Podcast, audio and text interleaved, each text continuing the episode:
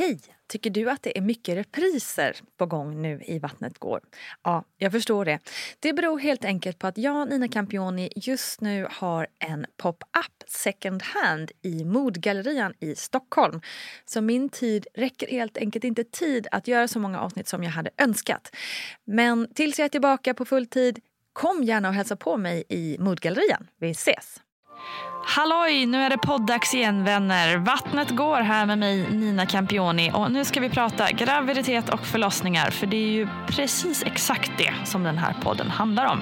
Kul att du har hittat hit och extra välkommen till dig som kanske lyssnar på den här podden för första gången. Missa inte alla gamla avsnitt i den här poddserien. Det finns ett väldigt gediget arkiv att lyssna loss på. Missa inte heller min och Gudruns bok som precis har släppts. Vattnet går. Haha heter även den och tar upp de allra flesta frågor man kan ha kring en graviditet, förlossning, amning, gravidmode och annat skoj. Men nu över till det här avsnittets gäster. För den här gången är de faktiskt två och dessutom gifta. Kodjo och Olga Akolor har släppt boken Den ultimata föräldraguiden. Så jag bjöd hit dem båda för att berätta om barnen Zion och Zoe och om hur ultimata de själva är egentligen. Som vanligt har vi världens bästa Gudrun Abascal med oss på ett hörn och nu kör vi! Mom deserves the best and there's no better place to shop for Mother's Day than Whole Foods Market. They're your destination for unbeatable savings. From premium gifts to show-stopping flowers and irresistible desserts. Start by saving 33% with Prime on all body care and candles. Then get a 15-stem bunch of tulips for just $9.99 each with Prime. Round out Mom's menu with festive rosé, irresistible berry chantilly cake, and more special treats. Come celebrate Mother's Day at Whole Foods Market. This is Paige, the co-host of Giggly Squad, and I want to tell you about a company that I've been loving, Olive and June. Olive and June gives you everything that you need for a salon quality manicure in one box. And if you break it down, it really comes out to $2 a manicure, which is absolutely insane. It's also so easy to get salon worthy nails at home with Olive and June. The difference between how your nails used to look when you did them yourself and now with the Manny system is a complete game changer. The best thing about Olive and June too is it's a quick dry, dries in about one minute, lasts for five days, and full coverage in up to one to two coats. Visit oliveandjune.com slash perfectmanny20 for 20% off your first system. That's oliveandjune.com slash perfectmanny20 for 20% off your first system.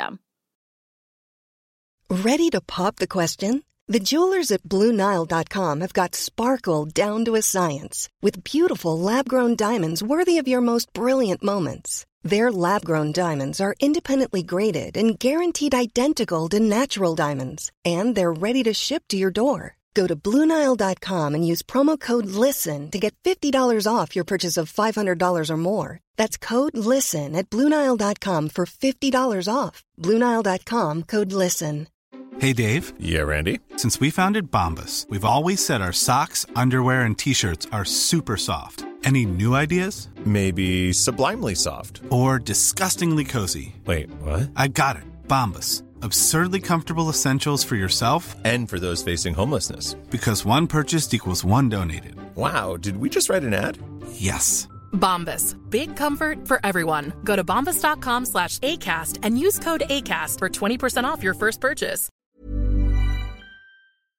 Kodja. Kodja. Kodja, det var ett bra smeknamn. Vi, vi har jobbat med kolga. Ja, kolga är också Ja, ganska bra. Kodja eller ja. kolja? Kolja. Ja. kolja. Vi får, vi får se vad media döper oss till. Precis. Men Kodjo och Olga. Ja. Yes, två gäster i studion. Det är alltid extra kul, tycker jag. Blir lite härlig vibes. Men ni har två barn också. Japp. Ja. Har ni, hade ni tänkt det länge? Är liksom två barn det optimala, tycker ni? Ja, hur ska vi svara på den? Alltså innan vi fick första så kom jag ihåg att jag var sugen på att skaffa fem. Eh, jag är ensam barn själv, eh, men det kändes så himla härligt att ha just den här liksom stora familjen sen när man, På papper. ja, på papper. Sen fick vi första barnet och då kände vi så här, ah, nej, vi väntar nog eh, och inte skaffa så många fler. Vad var det som var, som var, som var, liksom det jobbigaste? Alltså jag tyckte typ att allt var jobbigt i början. Jag tror att Kodjo är den som balanserar upp den delen hos Ganska oss. cool. Ja, Säger han nedslappad. i Ja, men sen tror jag också att det finns ju delade, det är ju lite delade åsikter om det här med de här första veckorna och den första tiden med en bebis. Jag tyckte inte att den var så himla spännande. Det var verkligen att gå från, alltså från 100 till noll och verkligen göra liksom avkall på sig själv och allt som man själv ville göra. Ehm, medans Kodjo tyckte att det var Jag har varit den på bästa noll tiden. större delen av mitt liv. Så att det passade mig superbra. Jag är jättebra på spädisar, vågar jag nog själv påstå. Jag klarar av det hur lätt som helst. Jag tycker att det är fantastiskt. Det är jätte, jättenice. Vad härligt. Ja. Och jag De tycker gör- att det är ganska tråkigt. Ja, och jag tycker att ja, men det är det bästa som finns. Alltså, så här, de gör ingenting, de bara är. Man byter någon blöja, de gråter. Man passar bollen, ba- barnet, till mamman om hon, de ska ha mat. Eller så kan man liksom pumpa och så fixar man det själv. Och, ja, jag tyckte det var skitnice. Jag saknar de två första veckorna. Fan. Men sen skulle vi vara försiktiga, vi. Exakt, så när vi Eh. väl hade bestämt oss för att inte skaffa fler barn på en gång Mm. så visade det sig att vi var gravida med nummer två. Japp. Ja, så det kom lite som en chock eh, för alla inblandade. Jag grät som en tonåring och bara nej, inte igen.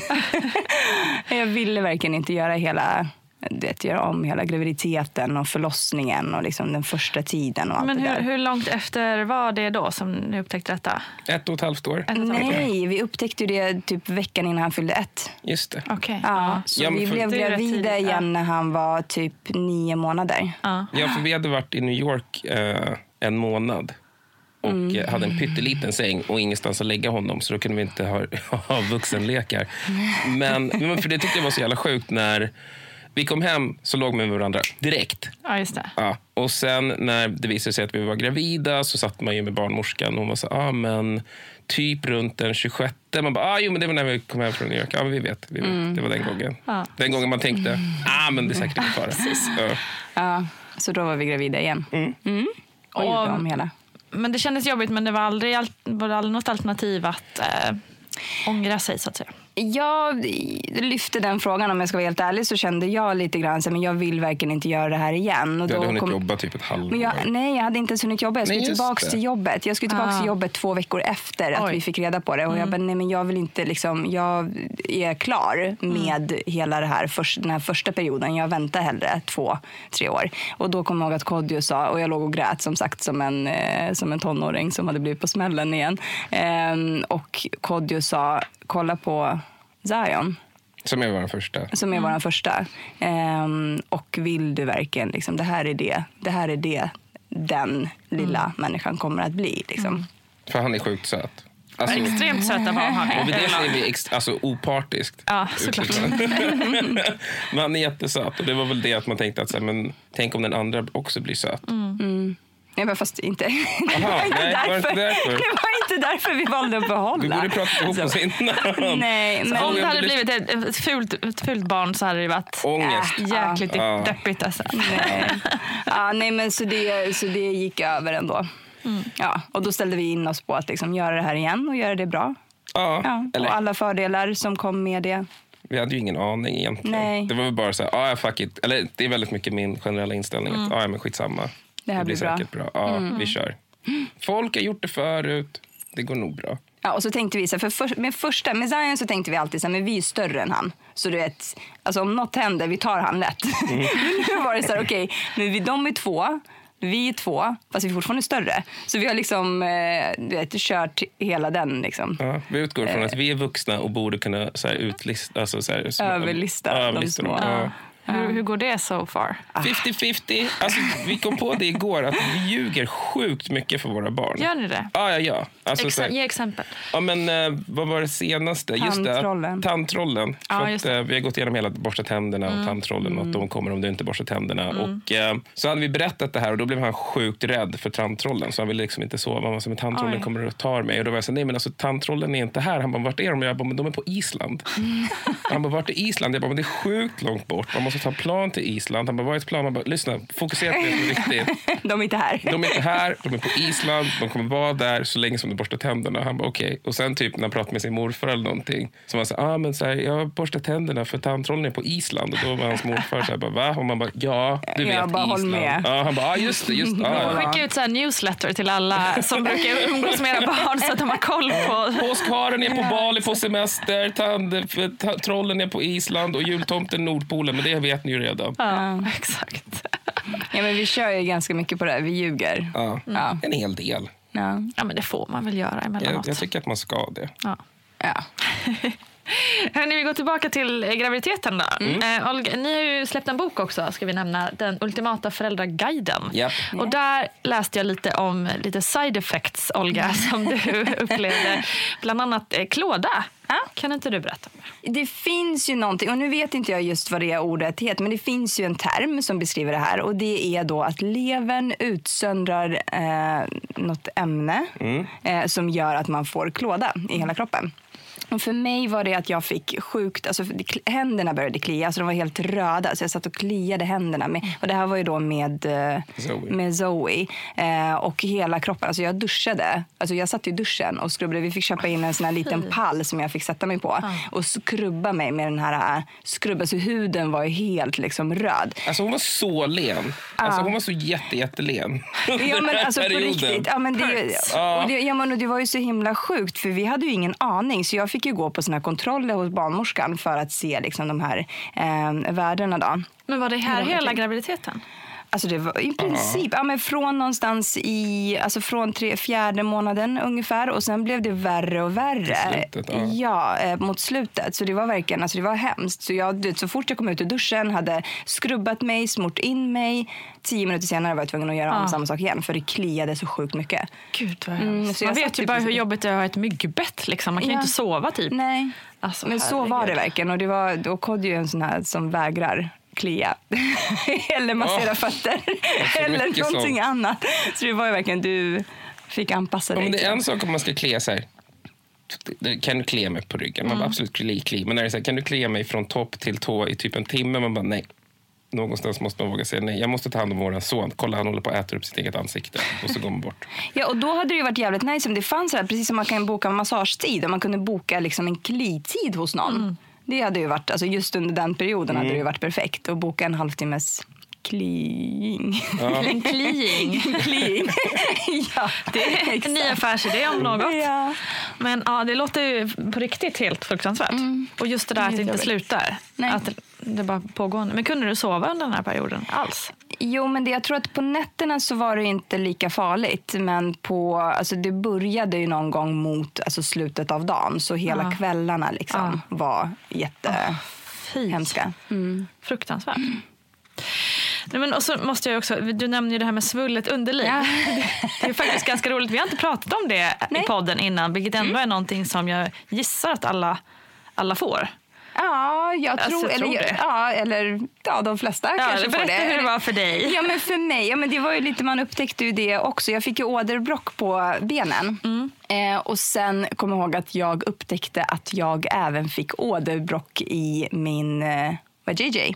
Eh, Du fick det där? Ja, och jag visste Okej. inte vad det var så jag googlade ju en massa och det var ju som små blod och nu kanske det här är jätte... Sak samma, folk måste Kör, men-. Men det var ju som små blodfyllda blåsor.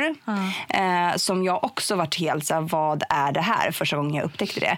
Eh, och då eh, kom jag ihåg att vi var hos barnmorskan och då förklarade hon att det var helt normalt och det heter åderbråck eh, och det är oftast liksom, det man får. Eh, i, eller oftast, nu vet inte jag hur många kvinnor Nej, som för jag, får det tänk, på en skala. men- precis, för jag tänkte mer på det. Det är nog många som, som jag i alla fall fick ju så här svull, alltså att man blev svullen och det kändes som att JJ var föll ut typ. Men, jättestor. ja. ja. En kompis till mig har kallat hamburgerfittan, säger hon. Ja, så kan man också säga. Eh, Min kompis kallar det för bull, bullfittan. Ja, men precis. Bullfitt. Ja, det finns många fina ord för detta. Jag skulle Eh, ljudillustrera det som att...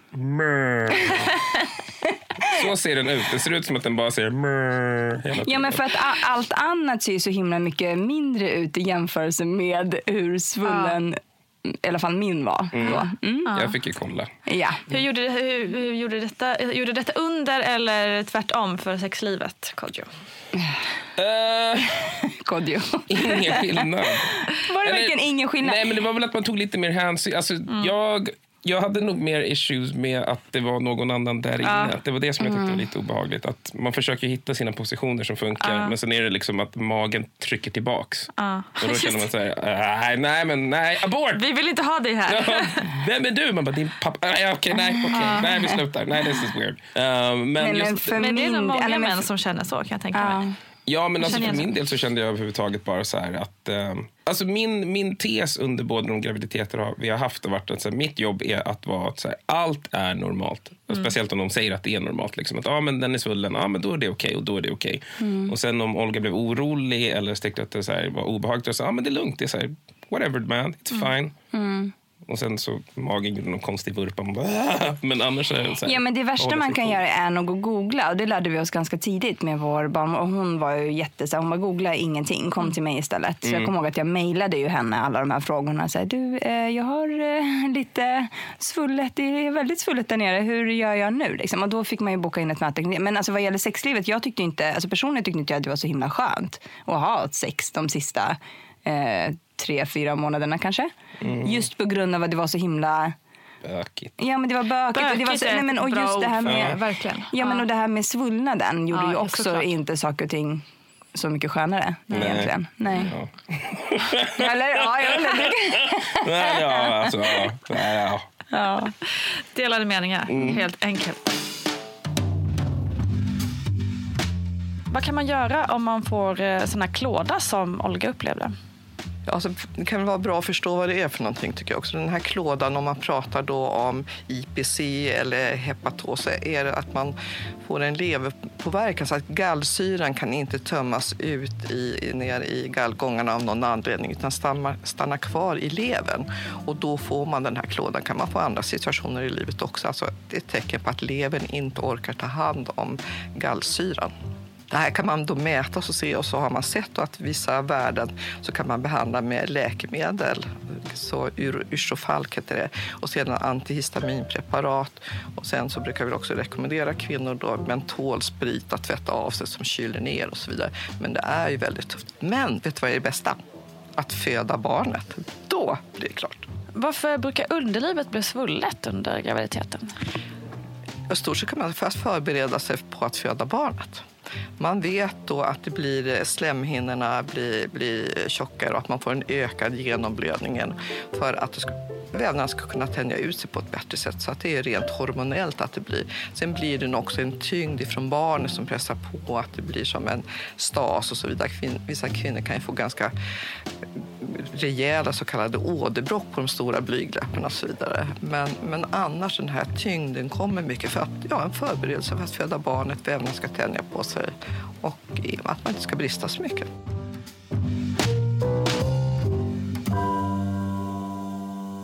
Men eh, om, eftersom jag nu har för, förmånen att ha både mamma och pappa i studion. Mm. Hur tycker du då som partner att liksom vara vid sidan om eh, när ens fru eh, eller tjej eller flickvän eller nu är, går igenom allt det här, blir större och blir tyngre och alla krämpor. Och liksom, Ja, alltså, vad känner du att du passar in i det hela? Förstår du vad jag menar? Nej, men jag tänker att jobbet som partner är att bara vara där och liksom så här, så här, vara med och så här, ta del av alltihopa. Och att så här, för mig då så blev min sanning att så här, it's not a big deal. Så här, It's fine. Alltså, så typ, jag kommer ihåg med Zion, då fick ju Olga panik när, bröst, när det kom bröstmjölk. Ja, just det. Första gången. Och jag fick också panik, men i slutändan så är det så här, jag gör egentligen inget annat än att bara liksom så här, typ stå vid sidan av utav allt det här som händer. Så då är det minsta jag kan göra bara säga it's fine. Mm, mm, mm. Ah, men det smakar mjölk. Jag tror det är mjölk. Det är säkert mjölk. Det är nog mjölk.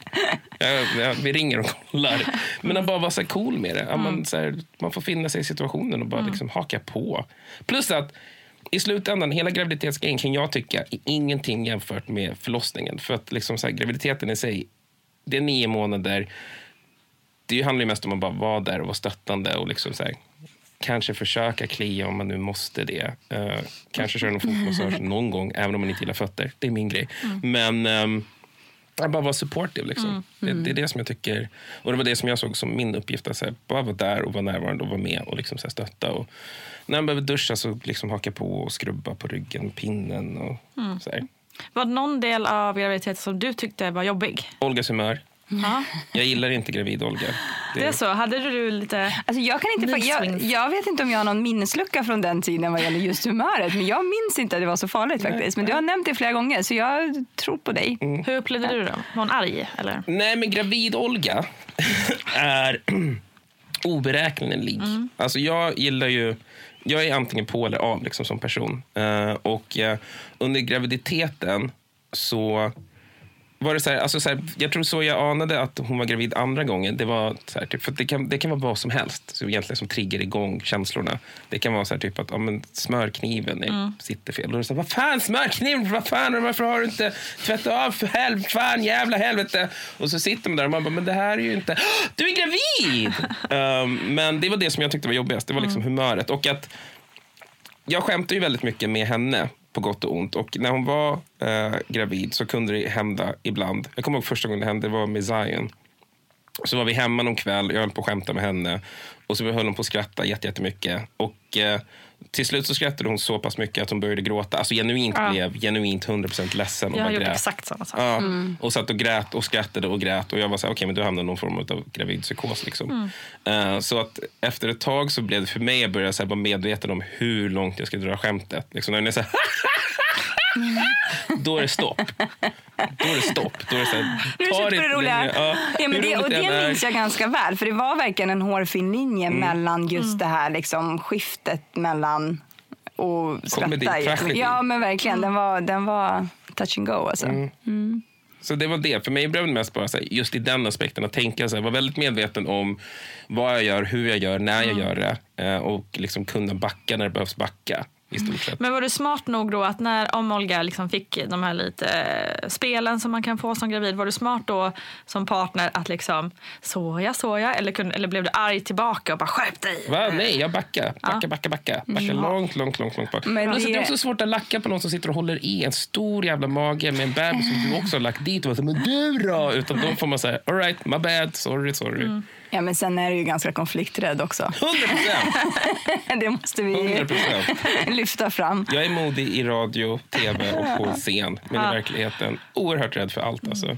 Mm, så det är din vanliga strategi att du backar oftast? Backa, ja. Backa. Be om ursäkt. Och då kunde det också vara så men nu säger du bara att du ber om ursäkt för att Ja, du, du menar det egentligen inte utan du säger det bara för att du inte vill att vi ska tjafsa. Och man bara, va? Nej.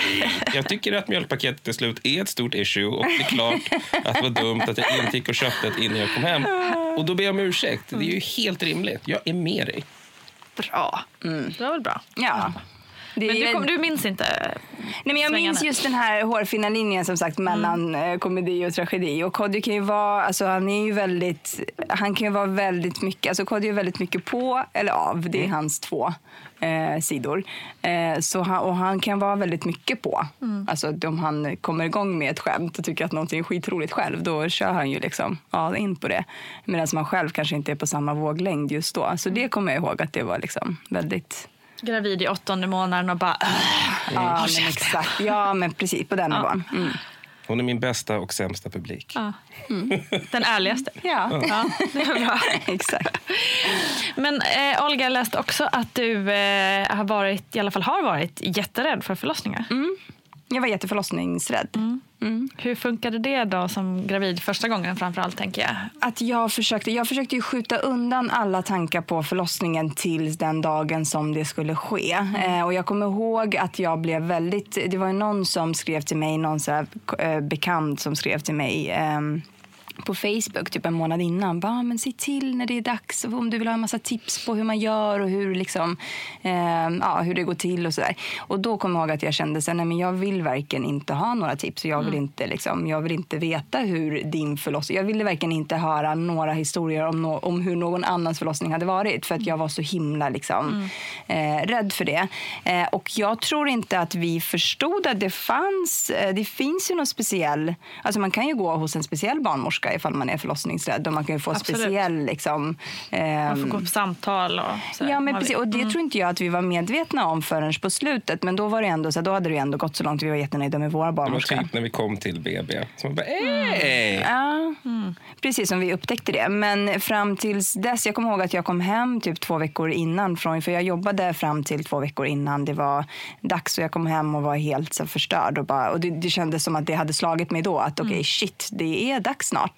Eh, och jag vet inte, för jag kommer ihåg också att när vi var på den här förlossningskursen som vi eh, var på. Eh, som var en helt annan, liksom en hemsk historia i sig. Men ehm, det, jag kommer ihåg att jag liksom inte, just den dagen när jag kom hem och var jätteupprörd från jobbet så kände jag så här, men jag kommer inte ihåg vad de har sagt på den här. För, alltså, det, det kändes som att allting bara var helt, all, allt stod still och allt var bara helt blankt. Och jag bara, men hur, hur ska jag göra? Jag tror inte att jag vill göra det här, men jag vill inte göra det här. Ehm, och så sa jag det till dig. Och du kollade på mig och så kollade du på min mage och så sa du så här, ja, jag tror tyvärr att det är för sent för det.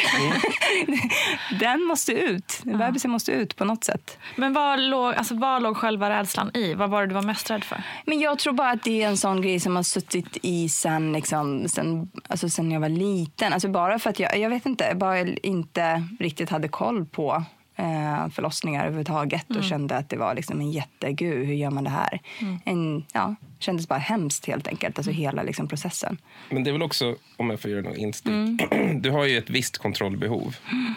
Och att gå in i någonting då som är helt, det finns liksom inget...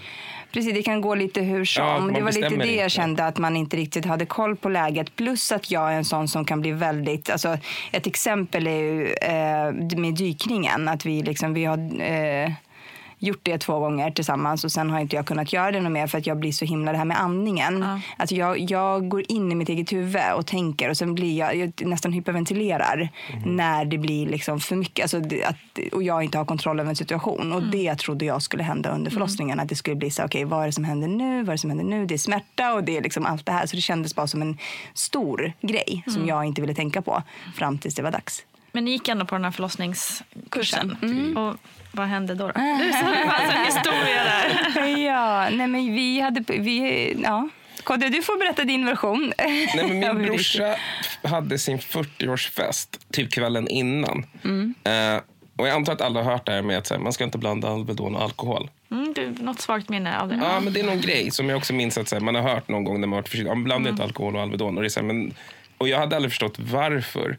Eh, Men man tänker att det är något som mamma säger. Liksom. Ja, men också typ man har någon kompis som säger jag läste på internet, man bara whatever bro. Eh, men han hade sin 40-års 40-årsfest, jag var extremt, extremt förkyld och jag är en sån som liksom Ja, men jag blir, jag, jag, jag blir liksom inkapabel. Jag tycker extremt, tyckte extremt synd om mig själv när jag blev förkyld. Nu får jag inte göra det längre.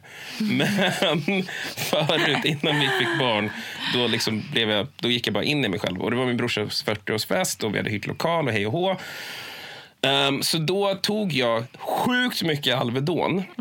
Eh, och var så, men bara så att jag kan hålla igång liksom, under kvällen. Och eh, Det visar sig då, efter lite research, att när man tar... Det finns ett ämne, jag vet inte om det är paracetamol eller vad fan det är. Men något av ämnena Det är Alvedon... paracetamol i Alvedon? Ja, det är det nog. Ja, men det gör Eller? att... Eller så eh, är det tvärtom. Ja, skitsamma. Ja, men någon av dem de hämmar kroppens förmåga att bryta ner alkohol i kroppen. Eh, vilket Mm. Okej, leder det är till det att som är problemet. Ja, man fortsätter vara full. Eh, och, ehm, så då gick vi ut och jag typ trillade in i Vid tre någon lägenheten gång. vid Och jag, kom, jag hade sagt under hela, för jag åkte hem tidigare och var så här, kom ihåg att inte liksom vara ute för sent för det imorgon är det förlossningskursen och den är ju oftast en halvdag så vi skulle dit eh, och han skulle jobba morgonpasset dagen efter också. Oj. Eh, Sju på morgonen. Så det var på en lördag och förlossningskursen började nio tror jag och han skulle komma dit vid elva när han var klar på morgonpasset. Ja, och jag kan räkna på mina fingrar antalet gånger som jag blivit så allvarligt bakis. Alltså så, här, så som jag har sett kompisar bli när de liksom kräks hela tiden och bara är så allmänt förstörda som människor. Jag blir trött. Det är min effekt av att så här, om jag dricker alkohol så blir jag lite trött dagen efter. Och det var det jag tänkte, bara, ah, men då kanske man är lite trött för att dricka lite Red Bull eller whatever. Och så håller man igång liksom. Men och, tar en taxi till jobbet, kräks typ fyra, fem gånger under sändningen. Mellan låtar går jag kräks. Och hela tiden har jag tänkt på om det här är inte normalt. Liksom. Eh, hoppar in i en taxi från jobbet till sjukhuset. Och det var ju på Danderyds sjukhus På Danderyds sjukhus. Somnar någon gång under kursen. Eh, ska gå på toa. Eh, hinner inte till toa. Spyr ner en hel korridor. Alltså- Något par kommer, ser mig stå där i en pöl och min egen spya och jag behöver, eller nej det var inget, så fortsätter de gå. Och sen kommer jag tillbaks och ja, det var bara... Nej, men alltså, grejen är att han tyckte ju så synd om sig själv Ja. i det här. För att han upplevde det väl som att du, du upplevde det som att du var super För jag förstod Sjuk. Du så känner att du var mer sjuk än bakfull? Ja. Ja, men jag förstod verkligen inte. För, för mig var det så här unheard of att så här, spy en så här 18 gånger i timmen. Var så här, man bara, jag fattar verkligen inte vad för något som har hänt. Och för mig var det när jag hade suttit där i ett par timmar själv och såg liksom, alla satt ju där, det var ju jättelugnt och alla ställde frågor och antecknade och allas partners var där och så tänkte jag så här, men nu kommer han snart så här. och jag satt och... Nej, och då, nej, men, då dök du upp och det första som hände var verkligen att man känner den här doften av liksom, och det, gravida kvinnor, nu vet inte jag hur Gud. det är för alla men alltså man känner, ja, men luktsinnet on blir ju förstärkt. Och det, var, och det var just då han kom in så det var ju ingen tvekan om vem lukten tillhörde utan det var ju, det var ju verkligen och det bara spred sig i det här rummet och han satt bredvid mig och inte nog med det så somnade han. Japp. Gång på gång. Och jag, satt, Stoltaste ögonblicket. och jag, bara- ja, men jag kände så här, nej men gå hem. Alltså gå hem. Han bara, nej, jag vill vara här och jag vill lära mig det här. Och jag bara, fast alltså du sover. Ja, och så somnade han. Så jag bara, men alltså du sover ju. Så jag kommer ihåg när vi kom ut i pausen, jag bara, kan du snälla gå hem? Det här är jätte, alltså, det är, ett- det är jätteawkward för alla inblandade. Och du vet, alla vet ju att det är du, för det är ju ingen annan som har liksom ramlat in. Ja, men, och han var så här, nej men ingen vet att det är jag. Ingen vet att det är jag. Nu Jag vet bara, alla "Fast att det är hur?" jag. Har ni varit på den här förlossningskursen så ni Det Ja, det Ja, men så gick vi in igen och så typ var vi där i tio minuter. Sitter vi i tio minuter eh, och hon står och berättar och ritar upp på tavlan hur förlossningen ska gå till och allting. Och helt plötsligt så reser sig Kodjo upp och går ut ur salen. Två sekunder senare så hör man, och det här var ju en stor aula, så precis utanför. Jag bara tänker så här, men hur, varför gör du det precis ute? Varför går du inte iväg till toaletten? Jag fick ju välja mellan att göra en toalett och en korridor i sjukhuset framför en barnfamilj och kände att jag vill ha en audiens. Ja, men av någon anledning så skedde det här precis utanför den här stora aulan och hur ljud sprider sig i en I aula. aula, ja, så det bara studsade från vägg till vägg. De här, och, jag, du vet, och jag satt bara och kände så här, nej, alltså jag vill. Ja, så det var ju jättehemskt. Jätte, jättehemskt. Och sen kom du in igen som att ingenting hade hänt. Och sen blev du arg på mig för att Då du... blev jag arg. För jag tyckte att hon var osympatisk. Var du verkligen osympatisk. Du var 100% osympatisk. Gud. Jag Empatisk. Oempatisk. Ja. Ja, osympatisk. Okej. Båda två. Du var osympetisk. Okej. Ja. Ja.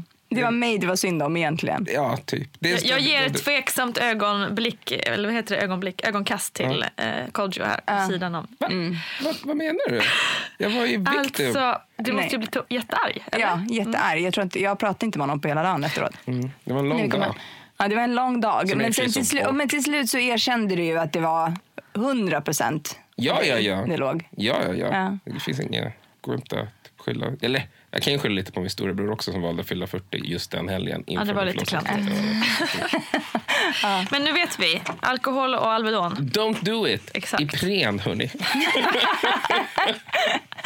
Ibru, ibuprofen. Men det här känns också lite som en grej som kommer följa er nu genom ert liv. Här. Den här historien kommer, att, hö, ni kommer berätta om den här historien många gånger känner För jag. barnbarnen. Jag Ja. skrev ner den till och med. Jag kommer ihåg det, den de här små böckerna, boken om, eller vad heter de? Boken om mig. När man Ja, skriver just så här, hur graviditeten har varit. Och Ja. Så var det ju en del som handlade om just förlossningskursen. Och det var det enda delen som jag kommer ihåg att jag fyllde i. Så vi har den nedskriven. Skit i jag vikt det och här allt var- sånt där. Ja men precis. Att dagen efter bara satte mig ner och, Och skrev den ner fick den ett historien. eget kapitel i boken. Just det. Ja.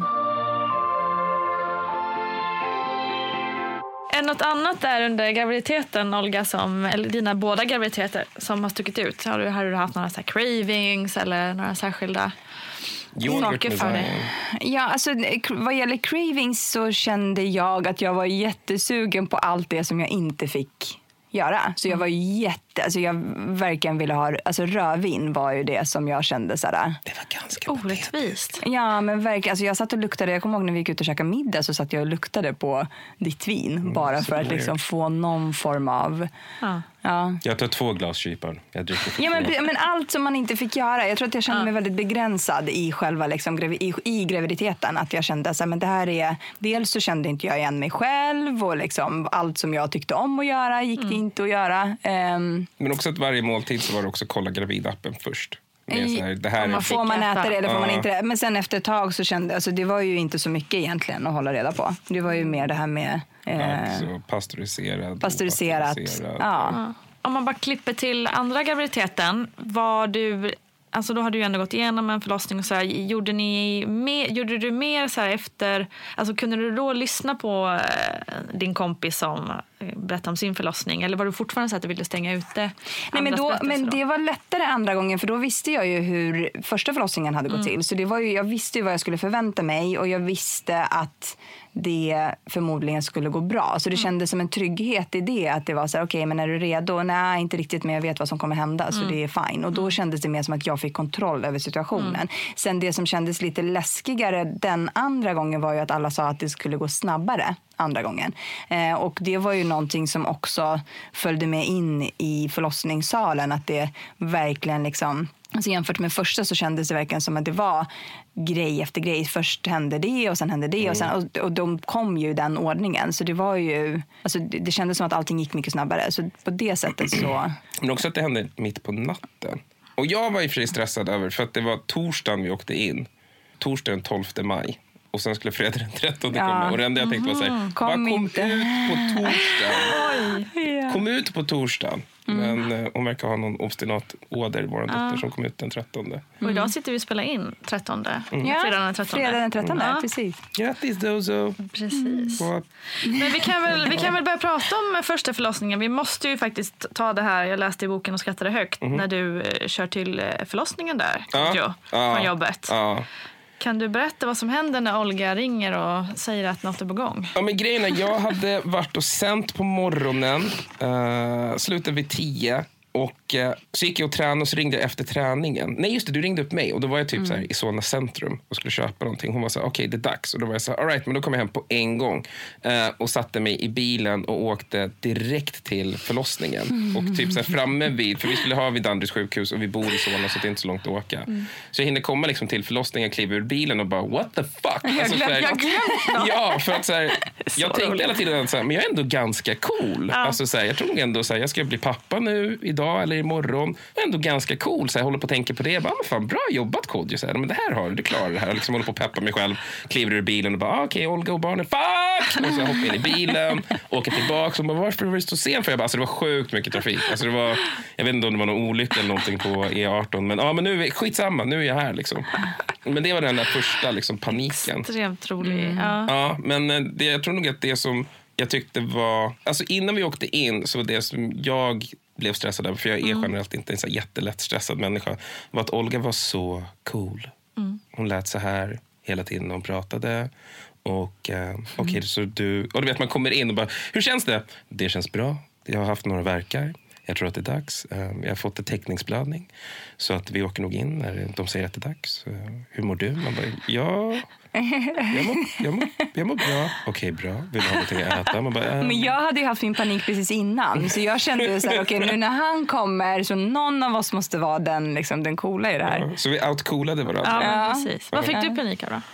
Men över det hände. Och jag kommer ihåg att det hände, alltså jag stod och hängde, vi hade precis flyttat in i vår lägenhet och jag stod och hängde upp gardiner i köket, hade klättrat upp för en så liten trappa och ställt mig på den här bänken eh, och bara kände hur allting, och så sträckte jag mig upp och skulle så, eh, hänga upp de här gardinerna och så kände jag hur allting bara drogs neråt. Eh, och det kändes som att okej, men det är någonting som inte är helt liksom hundra som det brukar vara. Och då började det sakta liksom sjunka in att okej, men det är nog dags snart. Så jag hann ju få, liksom, tills du kom hem, hann jag ju liksom gå igenom allt det här i mitt huvud och bara okej, men nu händer det. Hur ska vi göra det här? Och då var det bara fram med, vad heter det? Den här väskan. Ja, men väskan hade vi packat med vår första. Så att den här go-bagen den var klar med alla saker som står i appen att man ska ha och lite extra krimskrams. Eh, och min brorsa han har fyra barn. Och jag kommer ihåg att han var så här, men ta med datorn för vi satt här typ tredje förlossningen, kollade film och sådär och hade det skitmysigt. Eh, så då hade jag packat ner det, vilket inte behövdes. Och så allting var klart, det var bara att vänta och sen dra igång den här appen när man ska se liksom, eh, verkarna. Och få snitt och liksom klocka dem. Och, Men vi satt hemma jävligt länge den dagen. Ja, Alltså, fram och till väntade 12 satt På natten. På natten? Ja. Okej, och du började känna det på morgonen? Vid elva. Elva. Ja. Eh, Så det var ju verkligen en hel dag. Och sen till slut när vi 12 åkte in så ringde jag till BVC BB. till BB. Så kommer jag ihåg att jag var så här, och de bara, men hur ser verken ut? Och då var det ju, vad är det, tre minuter, en minut jag lång. kommer inte ihåg, Typ något ja. sånt. Och jag bara, men där är vi liksom. För det hade appen sagt att nu är vi på det snittet. Och då kommer jag ihåg att eh, barnmorskan, hon var så här, hon bara, men eh, eh, jag skulle vilja prata med din fru. Så jag bara, absolut. Och då hör jag bara Olga här, vi kommer nu. Klick, Ja. nu åker Nej, vi. Då hade vi, men, och då hade vi ringt in flera gånger Mm. och bara, men så här är det nu. Så här. Och då sa de så här, men gå och typ lägg dig ner Mm. eller mys ner dig i soffan. Och, alltså, vet, alla de här grejerna med att man hade sjukt ont Mm. själv. Och så bara, men gå och sätt dig i duschen med varmvatten. Och så kände jag bara så här, femte gången vi ringde, jag bara, nej men nu, nej, Nej, jag tänker inte sätta mig i duschen Ja, igen. Ja. Men problemet då när vi väl kom in var ju att jag var ju bara öppen En centimeter. en centimeter. Om man skulle okej. vara fyra tror jag det är. Tre. Ja. Tre ska Tre. Ehm, ja, så jag var ju inte tillräckligt eh, öppen medan jag hade jätteont. Och då var ju verkligen så här, verkarna kom ju väldigt tajt. Men eh, jag var inte så öppen. Så då skulle hon, eh, sjuksköt- eller barnmorskan då, som var på plats, skulle eh, lösa det åt mig. Så sa hon bara så här, eh, och jag kommer ihåg att jag låg med benen isär och så sa hon bara så här, men nu ska jag vara väldigt snäll mot dig. Och så bara stack hon in näven och öppnade upp handen ja, i mig. Och det var nog värre. Alltså den, den smärtan var nog mm, alltså, värre än själva förlossningen tror jag. Just då. För då hade jag liksom ingen bedövning, ingenting. Utan jag kände bara hur, hon, liksom, hur det bara sprack. Alltså, ja. Eh, och det Men heter hur ju mycket någonting. öppnade hon upp det? Då? Eh, så då var jag öppen, när hon mätte sen så var jag öppen 4 centimeter. Och då var hon så men nu kan ni stanna. Annars hade ni behövt åka hem. vi bara, okej. Ja, så Wow. då fick vi stanna kvar. Mm. Men jag måste bara, innan vi går vidare måste jag bara fråga där, i och med att du var så lugn när Kodjo kom hem och så här, och i att du ändå var så rädd innan. Kände du rädsla eller liksom, hände Mm. Men jag- någonting i dig där att du inte var rädd längre? Nej, men att jag vad? kände så här, nej men nu liksom, det finns, det är oundvikligt och nu händer det och jag kan inte, alltså det skulle vara värre ifall jag gick in där och var panikslagen utan jag kände så här, men nu behöver jag ta kontroll över situationen och lugna ner mig själv mentalt för nu händer det, det kommer hända oavsett liksom, om- jag vill det eller inte utan nu gör vi bara det här. Så jag tror att jag typ tog kontroll över Det är ändå situationen imponerande att man kan, själv. trots att man är så rädd menar jag, att man Ja. kan fixa det själv. Ja. Okej, då, plötsligt var du fyra centimeter. Härligt. Eh, vad hände sen då? Vad hände sen? Sen fick vi in eh, Lustgas. lustgas. Exakt. Fick du prova Kodjo? Om jag gjorde, jag vet inte om jag fick, men jag Han gjorde. tog den ifrån mig. Nej, men alltså vi turades väl om. Ja, Ja. Mm. och hade det skitbra. Mellanverkarna. Jag har till och med ett videoklipp när Olga står och dansar och vi håller på och sjunger eh, Bob Marley. Men gud vad härligt. Ja, Mm. high as fuck. Men eh, sen kom verkarna och eh, sen slutade lustgasen funka. Då var det Ja. inte roligt längre. Nej. Men du hade också skrivit i förlossningsbrevet allt. Men jag skrev ju att jag ville ha allt som gick att få. Liksom. Så det, ehm, efter, efter, man, och jag, kände, jag visste inte heller hur man... För jag kommer ihåg att folk hade sagt så här, men säg till om epiduralen i god tid i förväg så att de hinner komma med den. För annars kanske det är för sent om det går snabbt. och Så, här. Eh, så jag kommer ihåg att jag undrade lite grann, så här, men hur vet man när hur vet man när man ska säga till? Ehm, och det sa, jag kommer ihåg att jag frågade vår barnmorska då, Sofie som precis innan då förlossningen när vi hade det här eh, sam, sista samtalet och då sa jag så här, men hur vet jag när jag ska säga till? Och då sa hon bara så här, men du vet, du kommer veta. Och då kände jag hur lustgasen slutade Alltså den slutade verka på något sätt. Alltså det var verkligen så här, ja, men det, den gör ingen skillnad. Jag blir bara yr eh, och jag tror att jag behöver något mer som eh, smärtstillande. Jag var jätteglad. Du var nöjd då? Ja. ja, du fortsätter vara glad hela den. Ja. Nej, men så då, fick vi, då sa vi till om epidural. Mm. Och det är också en hemsk grej. Hemskt att se på kan jag tänka mig. Ja, men det, vara. ser- det är ju weird. Men det är också så här, som jag nämnde tidigare, liksom att så här, under de här nio månaderna så är ingenting så stressfyllt och jobbigt att se som under en förlossning. Liksom. Och att man någonstans inser att så här, man bara, men, män är, för de killar som inte har fattat det än, det är under en förlossning som det verkligen så här, kommer och bankar en över huvudet med en slägga hur värdelösa vi är i liksom, det totala så här, om man tar sig hela mänsklighetens så här, ag- aggregerade så här, funktion så är vi sämst. Absolut sämst, alltså på alla håll och kanter. Och i ett förlossningssal så känner man det här, eller kände jag det så, så, så, så påtagligt. Att man bara, men jag är så värdelös i det här. Liksom. Jag gör ju ingenting. Jag är liksom en hejarklack som är så, ah, ah, gör det okej, ah, ah, kom igen, ah. Ja, sjukt ont. Ah, fan. Mm, ah, eh, typ så. Och det känns tusen procent värdelöst. Men det tror jag också är jävligt viktigt att så här, inse att ehm, det är en jävligt naturlig grej. Men också tyckte jag att det var jävligt häftigt att bara se så här. Delvis att, så här, för att för mig, i och med att min brorsa har barn, så har barnupplevelsen alltid varit att han ringer. Vissa gånger fick jag gå och sitta barnvakt åt barnen som redan hade kommit och så kommer nästa. Men att han ringde och så gick de bort och sen kommer de tillbaka med en bebis. Liksom. Och i mitt huvud blev det så här, men nu ska jag få gå innanför dörren. Liksom. Att jag blir den som går bort inom någon form av magisk dörr och sen händer grejer där inne och så kommer man ut och så har man en bebis.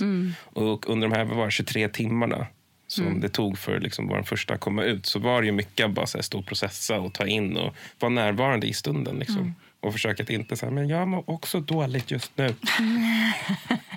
jag är trött i benen, jag har stått här länge, det ska gudarna veta.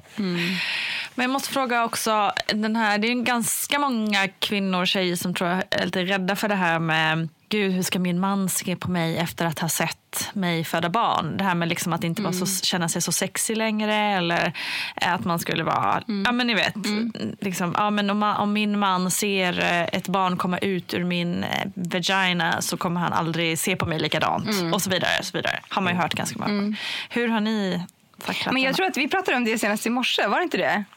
Vi pratade om någons förlossning, kom ihåg. Just det! Ja, vi pratade om någons förlossning som hade gått hemskt, hemskt fel. Ehm, och då pratade vi om hur... För jag ville ju inte att Kodjo skulle... Alltså, jag vet inte varför egentligen. För att när man hör honom nu, eller jag vet inte, jag har inte funderat så mycket på det efteråt, men det känns ju ändå som att det stärkte din syn på mig. Inte för att den var svag innan, men alltså bara själva liksom i relationen till alltså man och kvinna. Att bara att höra dig prata om hur, alltså inte hur värdelös du kände dig, men hur mäktigt det är att se en kvinna föda barn och att man inser alltså den betydelsen på ett existentiellt vis. Det gör ju att man känner sig så här, men shit, det är mig han pratar om. Och det är liksom kvinnor i allmänhet han pratar om. Och det är en sjukt alltså, fin grej. Ehm, och så respektfullt. Så det är väldigt fint att höra dig säga det, men jag, och jag vet inte varför jag någonstans kände så här, men jag vill inte att han ska se, alltså att han ska stå vid fotänden av sängen och se det som händer.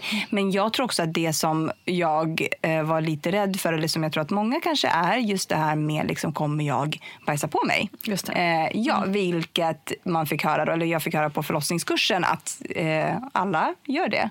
Eh, och alla spricker. Eh, i, något, alltså i någon form. Ja, men det är väldigt vanligt i alla Väldigt fall. Mm. vanligt i alla fall. Ja, precis. Eh, så, och den biten tror jag, så, men jag vet inte, vi har ju liksom inte... Jag bryr mig inte. Nej, och det är ganska skönt. Alltså, det är lite så här, jag tror inte att din...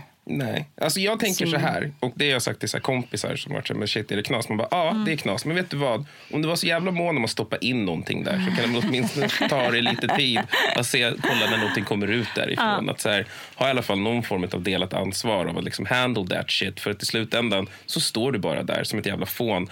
Även om ni har gjort så här profylaxkurserna och alltihopa så är det hon som gör 100% av jobbet. Och jag tycker att det är på något sätt fel att så här, nej men det är ett delat ansvar. Nej, för att du står bara där. Du står bara där. Du krystar inte, du har inte verkarna, du har inte smärtorna. Du får inte bäckenbottensbedövningen eller ryggmärgsbedövningen eller liksom behöver stå ut med allt det här. Utan du står bara där. Då är det minsta du kan göra vara säga God damn, all right, vi kör. liksom. Och Olga var jättenoga med att jag inte skulle kolla, vilket jag inte gjorde förrän efter allt var sagt och gjort. Och jag skulle hämta vatten. Då Ja, fast jag igen. vet inte om du skulle hämta vatten. Skulle du verkligen det? Ja, men det var så här, ja, men du kanske är törstig. Så gick jag och bara, haha, coolt. Ja, men, du ville ju se. ja, men jag, tycker att, jag tyckte, för mig så var det så här, men, men att så här, jag, och min brorsa hade också varit Spännande Ja, men jag tycker att det är sjukt fascinerande. Jag tyckte så här, om man, liksom, så här, om man kopplade ur sig själv, vilket jag har någon form av arbetsskada som komiker av att liksom hela tiden observera skeenden omkring mig, så blev på gott och ont min båda våra förlossningar en del av det, att man där står och observerar det. Eh, och då kände jag men jag vill ju se hela grejen. Liksom, för att i slutändan, det är ju mitt barn så som kommer ut i världen och då vill jag fatta alltihop utav det. Och inte att det ska vara någon så mystisk sak och så pluppar ut ett barn. Jag vet vad som finns där. Jag har sett det förut. Jag känner den platsen. I alla dess former. Ja, i alla dess former. Svullen, osvullen, brockigt och obrockigt. Vad fan, då är det väl bara liksom kolla lite. Men jag, skulle också, jag känner lite så här nu i efterhand, för Simone, vi har ju också två förlossningar bakom mig. Då har Simone också varit vid mitt huvud. Inte för att vi hade bestämt det innan, men det blev så för han hjälpte mig med vatten och sådana grejer. Men nu i efterhand så känns det nästan som att det skulle vara kul och bra om han hade sett lite mer, för då skulle han kunna berätta vad han såg. Eller liksom, Hur såg du ut? För jag vet ju inte hur du ser ut själv. Det skulle man ju Precis, vilja för man är ju här. Ja, exakt. Jag kan berätta. Ja, men lite faktiskt. Ja. Men okej, vi, vi går tillbaka för du fick ju också bäckenbottensbedövning. Precis. sen. Och Ja. eh, vad var det som ledde fram till det då? Att epiduralen inte räckte till. Det kändes som att eh, alltså de här faserna med lustgasen var ju jättebra fram tills att den inte hjälpte längre. Och då kom epiduralen in och det var ju ganska skönt att få den för då kunde vi slappna av lite Mm. mer. Och jag tror att det var ju mitt i natten eh, vid fyra någon gång som epiduralen, som vi fick en epidural. För vi kom in vid tolv och sen hade vi lustgas fram till fyra. Sen fick vi epidural och du hade ju varit uppe sen eh, Du hade morgonen på morgonen också. Precis, 24 timmars pass. exakt. Stackars pappan. Ja, eller hur? Nej, men Ja, då tog jag mig tid att kolla vad som hade hänt efter. Sån är jag. Och du låter ju helt när du det sättet. Nej, men så vi fick ju eh, möjlighet att vila lite under de här två, tre timmarna som epiduralen eh, verkade. Mm. För du Eh, somnade typ direkt när den kickade in. Precis, och jag somnade ju och sådär. Men sen när krystverkarna, eh, strax innan krystverkarna satte igång så var ju det väldigt, alltså det kändes som att Ja, det, det hjälpte inte att eh, jag fick mer epidural utan det, var, det kändes som att det var mer, att jag behövde mer för det gjorde så himla ont. Eh, och då eh, var det någon som föreslog bäckenbottensbedövning. Jag visste inte ens om att det fanns typ innan. Eller jag, Jo, men du hade skrivit med det. Men jag skrev bara att jag, hade, att jag ville ha allt, men Mm. bäckenbottenbedövning var det inte tal om. Utan hon frågade där på plats, så här, är det, eh, känner du att du behöver något mer, något starkare eh, som bedövar just liksom, Mm. eh, där? Eh, och då gick jag med på det, för då kände jag att ja, det känns som att det är läge för det nu. Så då fick jag det också. Och då, är, då, då känner man liksom ingenting, eller hur, hur upplevde Ja, du det? lite, precis ett litet tag. Men sen när krystverkarna kommer så tar det ju fortfarande... För jag upplevde det som när krystverkarna kom att det, det var lite som att det tog över hela kroppen. Så då spelade det ingen roll att jag hade lustgas eller att jag hade epidural eller att jag hade bäck- bäckenbottenbedövning. För det var en helt annan... Och jag vet inte om jag kan kalla det för smärta, men det var som en liksom kraft som bara tog över hela och bara ja, eh, fick en att krysta. Ehm, så jag tror att det som bäckenbottenbedövningen gjorde var just att liksom, eh, bedöva ja, bäckenet. Nej, men alltså bedöva just där det gjorde ont just då. Liksom. Men i övrigt så, ja, så kände jag... Jag vet inte hur mycket starkare det hade känts om jag inte hade haft någon av de eh, bedövningarna. Utan det kändes fortfarande väldigt... Det ville liksom, vi inte ta reda på. Nej, ja, exakt. Men, och sen kryssnings... Hur lång tid tog det sen då? Kryssnings... Alltså väldigt, det gick väldigt snabbt. Det gick typ på en, Typ en halvtimme. ja, 40 minuter kanske. Mm. Och det sen kändes det inte... Det var mer kraften då? Det var mer kraften och då kände inte jag, jag kommer inte ihåg att jag kände av någon, eh, någon smärta på det sättet utan det kändes ju som att verkarna som var innan och liksom eh, allt det som ledde fram till krystverkarna var värre än själva krystverkarna. För det var som sagt som att det tog över ens kropp och så var det bara ja, att krysta och sen var man liksom i det på ett helt annat sjukt sätt. Men jag vet inte. Ja. Vad var det första du tänkte på när han kom ut? Nej, men jag tänkte gud vad skönt att han är ute. Ja, för du Och du? lackade ju på slutet. För, för de sa, eller barnmorskorna sa så här, men en gång till, det är jättenära, Ja, en gång till. Och, vilket var typ ett mantra i tio minuter. så- och alltså, fem minuter innan det var Olga så hon bara, ni ljuger ju. Wait a minute. Ja, men för det kändes som att de hade sagt sig en gång till, typ 20 gånger. De bara, det här är sista gången. Jag bara, men alltså, ni ljuger. För att det här, ni sa det för 20 gånger sedan och nu orkar jag orkar inte mer. Det räcker nu. Eh, och då var det ändå liksom två kryssverkar ifrån. Liksom. Eller två kryssningar ifrån. Sen trillade han ut. Sen trillade han ut och det var ju jätteskönt. Det var ju som en sån befrielse att bli av med den tyngden. För det kändes verkligen som en tyngd eh, som bara ja, Det var det ju också. Ja, men det var det. Precis. kilo. Ja. Och vad tänkte du? Din första tanke? Jo, men det första som hände var att han hade en kort navelsträng. Mm, så de la honom på min mage. Ja, och då sa Olga, för vi hade inte tagit reda på vad det var för någonting. Ehm, och då sa Olga att ja, men det är en pojke. Och jag såg bara navelsträng. Och jag var så, här- för min brorsa har fyra söner. Och då tänkte vi att så här, statistiskt sett, enligt ingen forskning som finns alls, så borde ju vi då vara de som producerar Ja, men för vi liksom. tänkte så här, vi kan inte, för hans ma- alltså, du har ju en brorsa och han har fyra söner. Vi bara, men alltså, det går inte att vi får en till pojke. Och vi hade ju nästan, det var ju nästan som ett löfte Ah. till din mamma som jag hade. Jag kommer ihåg att på vårt bröllop så sa hon, lova mig att du Du föder en är flicka." den, Olga, du bara, är den som kan ge mig en dotter. Ja, vad fan säger man? Ah. Det är du, Olga, ingen annan. Tack för den pressen. Ja men Du exakt. Så jag sista kände så hopp. jag bara, nej men det går inte. Ja men ja, det är klart att det blir en tjej tänkte jag. Så det spelade ingen roll egentligen. Men tänkte så ja men det är klart att det blir en tjej för Mm. vad är oddsen liksom? Och det var ju nog det första jag tänkte också. Att kolla vad det är för, alltså Mm. kolla könet. För de säger ju inte så här, nu har ni fått en, jag vet Ja, just inte. det, skåda pojken. Ja, men för jag trodde, det är också en uppfattning som man har gått med att det är liksom att när, när bebisen kommer ut att de säger så här, nu har du fått en vacker liten flicka eller en pojke. Eller, De gör väl det på film kanske? Ja, exakt. It's a beautiful baby boy. Ja. Ah, ehm, och så gjorde de inte det. Men då sa jag det till Kodjo, för han stod ju precis här. Då sa jag så här, Kodjo, det är en kille. Mm. Och kunde då bara, var jag också tvungen nej. att dubbelkolla. Och så Du bara, nej, det är navelsträngen. Bara, nej, det där är inte navelsträngen. Älskling, du är jättehög på en cocktail utav droger just nu. Det är en navelsträng du säger. Men nej, så var det en, lite, en liten snopp med tillhörande pung och grejer. Um, men jag kommer ihåg att det första jag tänkte då var... Just det, för då hade jag med mig kamera och grejer. Och då tänkte jag att ah, men då ska man väl ta bilder. Eller antar jag att du vet, så här, kolla i rummet. Man bara, ska, ska jag ta? Okej, ni verkar upptagna. Men jag tar lite bilder. För det tror jag att pappor gör. Och så tog jag lite bilder. Och jag var också lite lättad faktiskt att han var en pojke. I, all, i ärlighetens namn. För att? Ja, men för att min brorsa har ju fyra söner och eh, tre av dem var jag jätteinvolverad i. Ehm, Så du hade koll på läget? Ja, men så hade jag koll. Du vet, man har haft med att lite göra. vad det var. Ja, du har liksom, allt det där vet jag. Liksom, blöjbyte är inte konstigt. Liksom, så här, att torka och allt. Inget av det var någonting som var främmande för mig för hade gjort det så sjukt mycket. Så att, liksom, när det kom ut en pojke då kände jag så ah, men då, då vet jag. Liksom. Jag vet, jag har koll på liksom, alla grejer som man behöver ha koll på. Också för att min brorsas ex tvingade mig att läsa böcker och grejer. Men deras första son, jag fick gå kurs innan jag fick sitta barnvakt. bara, Du måste ha koll på allt det här innan vi lämnar dig med våran son. Um, så då kände jag mig extremt lugn. Utöver det faktum att jag också var så här, ganska mycket i chock och tog bilder. um, på så här, På allt. Moderkakan, Moderkakan Ja, tog du Yggdrasil. jättemånga bilder på. Ja. Ja. Som bara, så, de här är Yggdrasil och bla. Det är tydligen en standardgrej de säger. Jag tror att det var unikt för oss.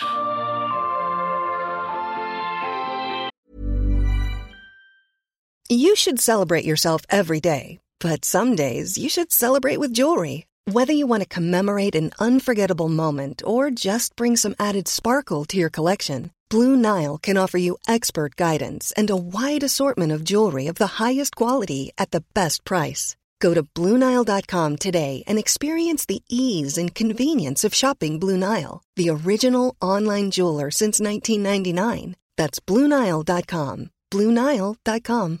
Hi, I'm Daniel, founder of Pretty Litter. Cats and cat owners deserve better than any old fashioned litter. That's why I teamed up with scientists and veterinarians to create Pretty Litter. Its innovative crystal formula has superior odor control and weighs up to 80% less than clay litter.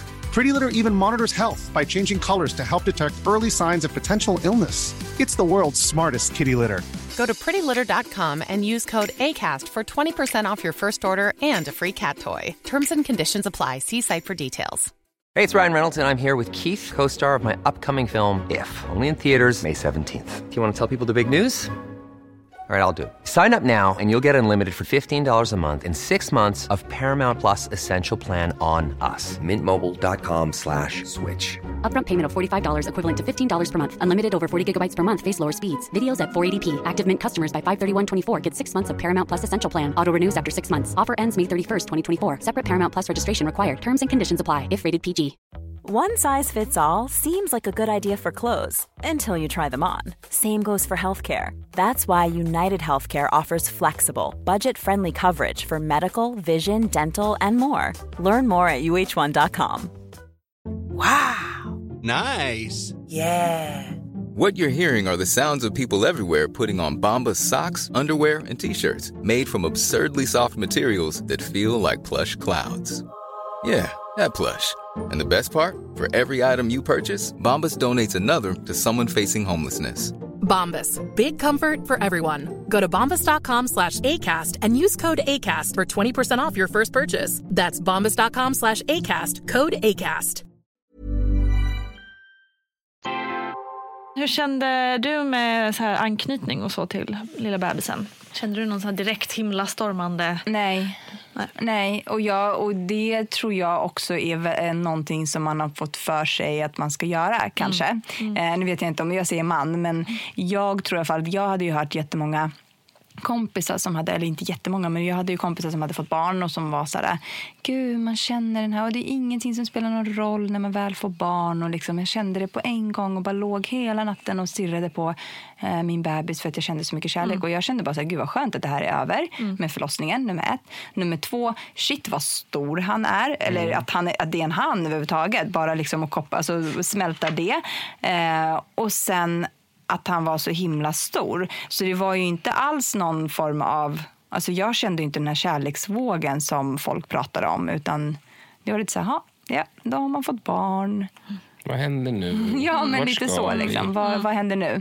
Vad är nästa steg? Nu trycker vi ut efterbörden. Hi. Ja, och sen när de skulle, men de skulle ju sy och hålla på efter också. Och det var ju inte heller någonting som egentligen som man kände som jag kände av. Det för det sprack var- lite. Ja. Ja, eh, inte jättemycket tror jag, men eh, lite grann. Och då skulle de sy och så skulle moderkakan ut och allt det här. Eh, och det var ju också så här, det bara hände. Det kändes bara som att det var mycket som bara hände. Och sen var man med i det. På något Man är ju lite av en dimma. Ja, men sådär. exakt. Kanske framför allt första barnet. Ja, precis. Blev det någon bajs då? Måste jag fråga. Vet ni? Från mig eller från Ja, bebisen? från dig. Från dig. Från Kodjo. Från mig? Jag tror att det var ganska mycket. Ja, men, eller jag vet inte ganska mycket kanske. jag Men jag kände, så jag, hade, jag kände ingen skillnad på vart saker och ting kom Nej, ifrån. Precis. det, jag, tror, för att jag tror att vid ett tillfälle så var det ju en barnmorska som stod och höll tummen för. Eller är det du som har berättat det här för Ja, mig? hon Det är stod jag som har- tryck, tryck med handflatan mot. Anuset. Ja, men när Mm. det var i någon form av... eh, Men det, är nog, de- det gör de nog ganska ofta för att man inte ska spricka så mycket. Ja, okej. Eh, tror jag. Det är något Ja. sånt grepp de har. Mm. Jag trodde att de höll för. Kom inte ut någon bajs här! Kommer du in Marianne? Hon bara absolut, jag har gått behöver, vi behöver bajspluggarkursen. två tummar här. Ja. Ja, det är lugnt. Kör Birgitta, se åt dina kryss, jag har koll. Ja, men jag trodde att det, var, att det verkligen var. För precis, när vi har pratat om det så är det ju lite som att säga, det var någon som stod och höll för Det var det så, hålet fast å andra sidan så var det så min sjuka hjärna uppfattade för att det inte skulle spruta bajs på den andra. Det var min tolkning. Det var det vi trodde hände. Ja, efteråt, hon bara, vad hände? Jag bara, jag ska berätta för dig älskling. Jag har uppfattat exakt vad som hände. Det var en som höll på att hjälpa dig och en annan som hjälpte den andra att inte bli bajsad på. Ja, men exakt så beskrev han det. Och jag Ja. vet ju inte, för jag var ju inte, för jag stod på alla fyra. Ja. Ja, ja, det är det sista man tänker på. vad man Ja. på. Ja. Och jag, jag då, tänkte jag kommer ihåg att jag tänkte så här, äh, jag skiter i, bokstavligt talat. Och jag kollade på Marianne och bara, du är en hjälte Marianne. Hette hon ens Vi- Marianne? Nej, vi kan Nej. inte diskutera. Okej. Ja. Fantastiskt. Ja. Men, eh, jag, men jag kan säga som har sett alltihopa, Ja. det är en salig blandning av allt du Av kan allt. tänka dig där Ja. nere. Ja. Men ta, ta och kolla. Ta in det bara. Men oftast när man ser bild på nyfödda bebisar, vad vet, alltså jag vet inte, är det, är det bajs eller blod? Eller det, liksom, det Ja, känns det som en salig kompott av, av av allt som Ja, är... men precis. Det är väl blod och sen har de, får de mycket vätskan från, inifrån livmodern. Ja. Plus Eh, att jag har fostervett, vad heter det? fosterfett också som gör att Mm. de ser lite... men jag har hört också att det ska vara lite avföring med för att här, om det innehåller sjukt mycket bakterier och då Mm. får de någon form av så här, du vet, första bakteriechock som gör att så här, hela immunsystemet kickar igång. Och hej och. Har jag hört. Det kan vara så Mm. Det här får vi fråga. Vi har ju Gudrun killen- som expert. Vi frågar henne. Ja, för jag är också killen som trodde att de hade en specifik barnmorska bajsåldern. bajsbarnmorska. ja, Marianne. Marianne till rum fyra. Marianne. Hon springer där som en idiot mellan alla. Jag tar två! Jag tar Ja, två! men tänk på riktigt att ha det jobbet. Du har inget annat jobb än att springa mellan salar och plugga i. Ja, vi skulle inte klara oss utan. Marianne. En gång var hon sjukskriven och då, då hände det grejer. Jag ska... Då var det bajs. Bajs i fostervattnet, bra eller dåligt? Vi, eh, först så tänkte jag så här, nej men det är, vi vet inte riktigt. Vi vet att, att barn, eh, barn bajsar i fostervattnet ibland. Att, jag tror att det ligger en av tio eller någonting sådär. Och ibland så kan det vara ett tecken på stress, precis som ja, vi kan ju bajsa på oss om vi blir väldigt oroliga. Men, ja, så att man vet inte riktigt. Men jag som barnmorska tolkar det för här ska jag vara mer observant hur barnet mår. Så att om vattnet går och det är bajs i fostervattnet, grönt som vi säger, så då, då ska kvinnan komma in och så är hon kvar på förlossningsavdelningen hela tiden. Alltså, annars är fostervattnet klart så kan man ju gå hem igen. Så. Om man nu ska vända på det och hitta något bra i det hela så kan man säga ja, mitt bra kan bajsa. Vad bra, jättebra. För det är också någonting som man undersöker sen efter förlossningen. Men, men har man då mekoniumfärgat fostervatten som det heter så vet jag ja, men det var, något var ju bra med det kan bajsa. Kodjo hade hört att kvinnans bajs kan påverka barnet. Ja, idag så säger vi så här att när, barnet föds vaginalt, så vaginalt genom slidan så, så blir, får barnet sin första vaccination på grund av den bakterieflora då som finns i slidan som också bakterier säkert kommer från ändtarm. Det ligger ju så nära så att utifrån det perspektivet. Så, så att nu är man ju väldigt inne på det här. Jag vet att det finns kvinnor till och med som, som eh, om de ska planera ett kejsarsnitt så kan de stoppa in någonting i slidan och så tar de fram det och lägger det vid barnet för att den ska få den här vaccinationen.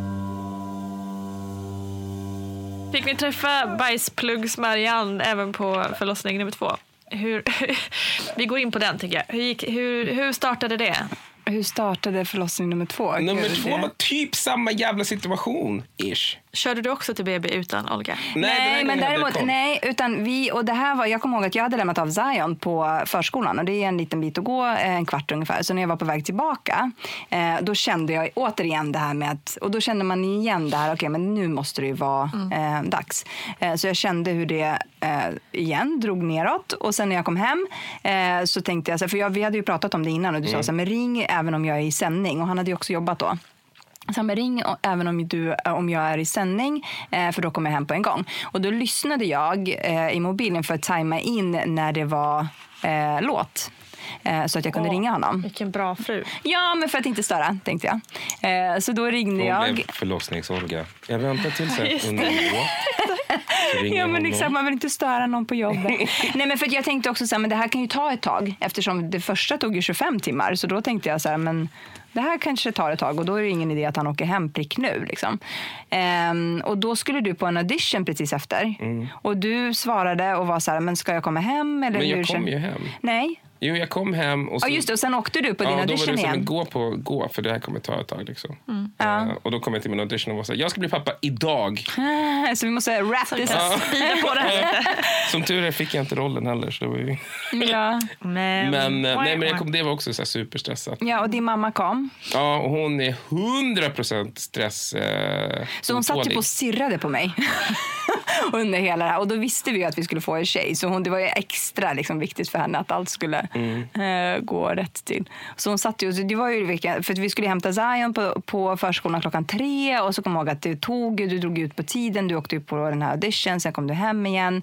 Ehm, och sen så hämtade vi Zion, eller ni hämtade Zion på Mm, förskolan. mamma. Eh, kom hem igen. Eh, och då var det, så- för jag kommer ihåg att jag sa så det enda jag inte vill, jag vill inte att Zion är här när verkarna eh, kommer igång. Se dig För- ha ont. Liksom. Ja, för, eller, mer att liksom, för att jag vet ju hur, hur jag är. Så jag är ju lite så här att jag skiter i om jag har ont eh, och är med honom istället. Mm. Vilket var exakt det som hände. För din mamma var ju ganska... Alltså, Hon hade stress. ja, hon hade stre- ja, men precis. Och när hon blir stressad, då gör inte hon någonting. Nej. Så hon var ju där för att hjälpa till med Zion. Jaha, medans... men det blev inte så. Nej, exakt. Så det blev ju Hon lite så här, det var tre personer. Ja. så, åh, åh, Olga, åh, Jesus Christ, åh, Olga, åh, Olga, Olga, Olga, Olga, oj, oj, oj, oj. Och klagade på att det tog sån tid, kommer jag ihåg också. Att hon gjorde och jag bara, fan, låt mig vara. Ja, nej men så till slut så åkte vi in. Mm. Du bara, kan vi åka in nu kanske? Ja, men jag tror också andra gången, vi var lite väl coola med andra gången. För då tänkte vi, för att med första då hade jag packat den här väskan i den här du vet, två veckors Mm. Difftiden som man får. Mm. Eh, andra gången då var det så här, oh shit, okej, aha, för hon kom tidigt. Ja. Så var det. Zion gick över och Zoe kom tidigt. Och då så blev det en halvhjärtad packning av allt möjligt. Precis, för hon var beräknad till 15 tror jag och Mm. hon kom den 13. Ja. Och verkligen började den 12. Så då Mm. blev allting lite så all right, ah shit, om då Ja. fixa och dona och packa och hej och. Jag trodde att jag skulle vara mer förberedd andra gången.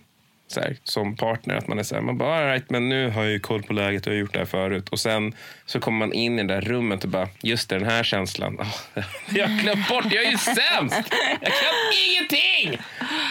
Um, och Men ja, jag vet inte, var det någon skillnad? Vi körde allt förutom bäckenbottensbedövning. Ja, det, jag tror inte det behövdes inte då. När du kom in nu, hade du öppnat dig lika lite den här gången eller hade du öppnat dig mer när du kom in? Nej, det var mer. Jag Ja. kommer inte ihåg exakt, men jag kommer ihåg att det var mer. Det var Eh, och det gick väldigt mycket snabbare. Precis. Så hennes förlossning tog ju... 20 timmar. Nej. Nej, men typ... Men jag tror det var 18. Alltså det var inte, hon kom ju mitt i natten. Just det. Och det började på dagen. Nej, men den enda skillnaden, jag tror nog att den stora skillnaden, eller jag vet inte, nu kanske jag talar, jag hoppas att vi, jag talar för oss båda två. Men Mhm. jag i alla fall, eller så kan jag säga, jag i alla fall kände mig extremt cool i och med att vi liksom tog oss igenom hela förlossningen. Hon kom ut typ mitt i natten, vi gick och la oss, vaknade så här typ kanske 9-10 på morgonen och var så all right, vi är klara, kan vi gå hem nu? Mm. Och då var de så men ska ni inte vara kvar? För, ja men plocka in en läkare eller någonting, whatever, vi vill gå, vi är klara. Vi, kan, Mm. vi kan det här nu. Och Så då kom vi hem sex på kvällen? Ja, dagen nej, efter? Då typ på eftermiddagen. Mm. För vi var tvungna att vänta på läkaren. Men vi var så här. Men vi, vi var precis likadana när vi fick andra. Mm. Sån skön känsla att man bara så här... har för koll på första det. gången var man så här, nej men vi stannar. Och Vi ringde på de minsta lilla. Så här, Ja. Ringde på klockan, ringde på klockan. Och andra gången bara, äh, vi kollar väl på tv lite då, eller vad ska vi? Ja men Så exakt, så och det är ju lite klaustrofobiska rum på det här stället. Så det var ju lite så här, aha, vad ska vi göra? Jag tror att vi köpte, du köpte chips och godis och så typ låg vi där, kollade på tv och så var det lite så här, ja men vi åker hem till Zion. Mm. Men det är skön känsla det där att man känner sig lugn och att Ja. man har gjort det innan. Liksom. Precis. Ja, eller jag kände mig lugn fram tills vi kom hem. Okej. Och man var så här, "Ah, just det, shit, nu är de två. Ja. Och det tog ett tag för oss att fatta den dynamiken, att hitta liksom den Ja, men för Zion var ju så himla liten då, så han var ju ett och ett halvt. Eh, Så det, det var ju verkligen så här, han var ju jätte... Alltså i sin egen fas då eh, och skulle ha en massa attention och liksom vara överallt. Ja, för vi filmade också när han skulle träffa henne första gången. För då förberedde kameran. Och så hade Olgas kompis, kompis shout out till Gamse, lämnat blommor. eh, Nej, ballonger. ballonger. Utanför dörren. Ja, så då öppnar vi dörren och har liksom bebisen och ballonger. Och han bara ballonger! så det tog ju all fokus från, från Zoe. Och jag sa, men här är en bebis. Han bara whatever man, ballonger!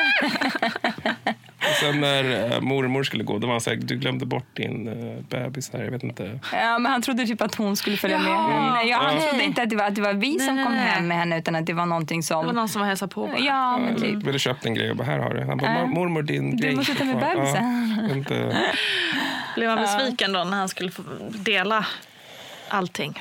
Nej, alltså jag, jag kommer ihåg att jag var jätteorolig över det där och att jag till och med liksom kände, alltså jag kände någon form av så här ångest kring hur gör man med syskon? För jag har inga syskon själv och jag hade ingen koll på liksom hur gör man? För jag, när jag växte upp så var jag, ehm, jag var ensam barn så jag kommer, mina föräldrar var väldigt så här, du vet att eh, jag var så viktig och att jag var viktigare än de andra barnen var för deras föräldrar, för de hade ju syskon. Så om någonting hände deras, alltså om någon, någonting hände Josefin så har, det gör Får de en ingenting. För, ja, men Josefin har ju tre, tre systrar så då har ju de lite barn att ta från. Liksom. Så jag fattade inte hela den här grejen med så här, hur, hur man kan dela sin kärlek mellan fler personer. Eh, vilket jag fick lära mig sen. Men, eh, och så den biten hade jag ganska mycket. Liksom, hur, hur ska jag ge eh, lika mycket attention till Zion samtidigt som hon är här eh, och behöver sin liksom, beskärda del. Så det var en liten balans eh, i början. Men bara, gjorde du något särskilt för att komma underfund med det? Eller kom det naturligt sen? Eller hur känns det? Ehm, det kom nog ganska mycket. Alltså man lär ju sig på vägen. Allt sånt eh, känns som att... Men det, och det var ju nog de första veckorna. Men sen blir det ju lite så här... Hon, alltså, han var ju jätteaktiv samtidigt som hon. Alltså, de var ju helt olika perioder egentligen. Så hon sov ju ganska mycket. Så det, hälften av tiden märkte man ju inte av att hon eh, var där. Och då kunde man ju lägga den tiden på honom. Och sen när hon behövde... Och han var ju inte särskilt svartsjuk i början Nej. heller. Han brydde sig inte så mycket. Eh, förutom när jag skulle amma någon gång. Då han här, nej men mamma jag vill sitta hos dig. Och då, alltså, det- lite den grejen. Men det gick ju över ganska snabbt. Så han var ju inte heller så jätte... Alltså, svartis eller på Nej, det det, sättet. jag tyckte det var lite intressant för att han också blev... På ett sätt så blir det ju också på gott och ont så att ett sy- storasyskon blir ju illa tvunget att liksom hänga med lite snabbare Mm, än vad ett mm. småsyskon. Och som småsyskon säger jag då att, så här, att eh, storasyskonen hamnar i den situationen av att så här, du måste börja liksom fatta grejer lite mer nu. För att nu är det någon här som är värdelös och du är inte lika värdelös och du måste ta lite mer ansvar. Och jag kommer ihåg att en grej som jag tyckte var rolig med honom var att så här, när hon ammade kunde man säga, vad gör hon för någonting? Alltså, klassisk storebror, vad, gör- äh, vad är det där? Äh, gud, jag skulle aldrig, man bara, håll käften. Det där var du för en månad sen- sedan. Ja, det slutade för typ två veckor sedan. Sitta där och leka häftig liksom. Ja. Men det var en sån grej. Men Och sen, sen att ni fick ju också, han, alltså ni har ju alltid haft en jättenära relation, men att han eh, blev ju lite mer, alltså pappa, jag vet inte vad, ska, vad man ska säga, men att han tydde sig mer till dig när jag ammade till exempel. Mm. Så de fick ju den eh, kontakten för att han var liksom, ni fick hitta på grejer. ja. Men också att så här, äh, jag tror nog att hela syskongrejen kom ju in nu när hon är ett och liksom också är med och de börjar bråka och det är mycket tjafs och sura miner och folk skriker på varandra och Mm. allt är allas fel och är massa sådana grejer. Mm. Men för mig var det ju så här, jag har ju en storebrorsa så jag fattade ju syskongrejen. Och att Olga var så här, gud de kommer vara vänner livet ut. Man bara, du är gullig, du är gullig. Nej du, det kommer ta ett par år det här.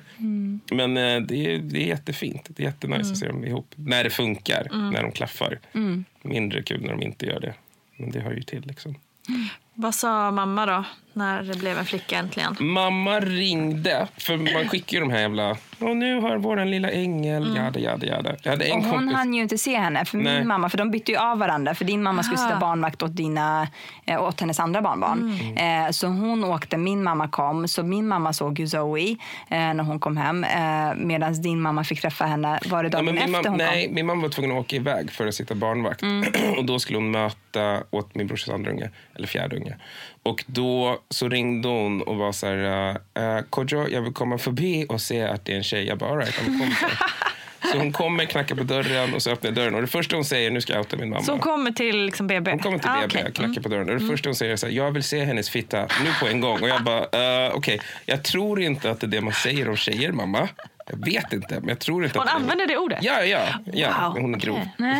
så jag vill se hennes fitta på en gång, Kodjo! Jag bara, okej. Fast jag, vet, jag tror man säger snippa. Jag har ingen Ah. aning. Det här är nytt för mig också. Men jag tror man säger snippa.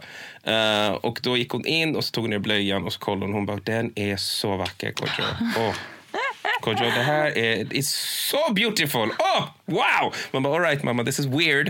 Um, it's freaking me the fuck out. Just det, och sen fick hon ju gå därifrån. Hon kom ju till sjukhuset. Sen gick hon därifrån och satte barnvakt. Men hon, var, hon behövde liksom Hon var här se och bekräfta. det. Mm. Så att vi inte hade lurat och så visade det sig att det var en pojke ändå. Liksom. Mm. Men hon var jätte, jätteglad. Och eh, det roliga är med alla min brorsas uh, ungar, så liksom, de är ju också så här, de bara, men äntligen. För de har också hört Mm. henne klaga på Alla har väntat på den här tjejen. Ja, och alla var skitglada för hennes skull. Så att det Mm. var nog det som jag tyckte var roligast med Zoe. Delvis också att jag kan hålla någonting över min brorsa. och Med att jag äntligen var den som levererade. Ja, trumfkort. Men också att så här, alla var så kollektivt glada för hennes skull. Och Olgas Mm. föräldrar ringde och grattade henne. Och Ja. det blev verkligen så här. hon hade verkligen väntat. Liksom. I 36 år. Ja. det här skulle hända. Så Och Zoe heter ju också Grace Mm. i Ja. eh, mellannamn. Just därför. Mm. Mm. Så hon var super, superglad. Hon var Hon är nöjd med dig nu också då, Olga? Ja. Jag tror inte att jag någonsin kan göra något fel. Nej, jag gissar Nej. Ja, så det är skönt. Jag Ja, vad vann till slut. Blir det fler barn tror ni? Ja. Oh, unisont! ja. Precis, det var så fint när ni sa det samtidigt. Ja. Ja. Nej, men jag, jag tror att vi är ganska... Jag var lite motvillig. det. Mm. Men sen tänker jag att vad fan, har egentligen inte så jättemycket Men, och det är just som du sa andra gången också, att liksom när man ser på... Alltså jag är inte jättestort fan av graviditeter, eller förlossningen var ju också så här nödvändigt ont. Eh, men att se dem idag är ju liksom, det är ju det som... Ja. Ja, tänk om den tredje blir ännu sötare. What? för nu är de söta och det kanske blir du vet, peak söthet. Mm. Kanske för mycket för världen att hantera, men det får vi ta när vi kommer dit. Mm. Tycker det kan vara värt att prova. Ah. Jättekul att ni kom. Tack, för att vi fick komma. Tack. Tack, tack snälla Kodjo och Olga Akolor. Vad roligt det var att ha er i studion. Det blev fullt ös minsann. Tack kära ni för att ni lyssnar som vanligt och glöm nu inte boken Vattnet går. Den finns där böcker finns helt enkelt. Hörni, ha det nu alldeles toppen så hörs vi alldeles snart igen hoppas jag. Stor kram!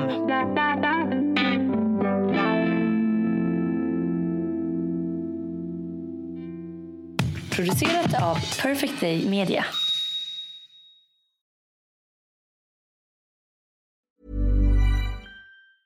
Mom deserves the best, and there's no better place to shop for Mother's Day than Whole Foods Market. They're your destination for unbeatable savings, from premium gifts to show-stopping flowers and irresistible desserts. Start by saving 33% with Prime on all body care and candles. Then get a 15-stem bunch of tulips for just $9.99 each with Prime. Round out Mom's menu with festive rosé, irresistible berry chantilly cake, and more special treats. Come celebrate Mother's Day at Whole Foods Market. Hey, it's Danny Pellegrino from Everything Iconic. Ready to upgrade your style game without blowing your budget? Check out Quince. They've got all the good stuff shirts and polos, activewear, and fine leather goods, all at 50 to 80% less than other high end brands. And the best part?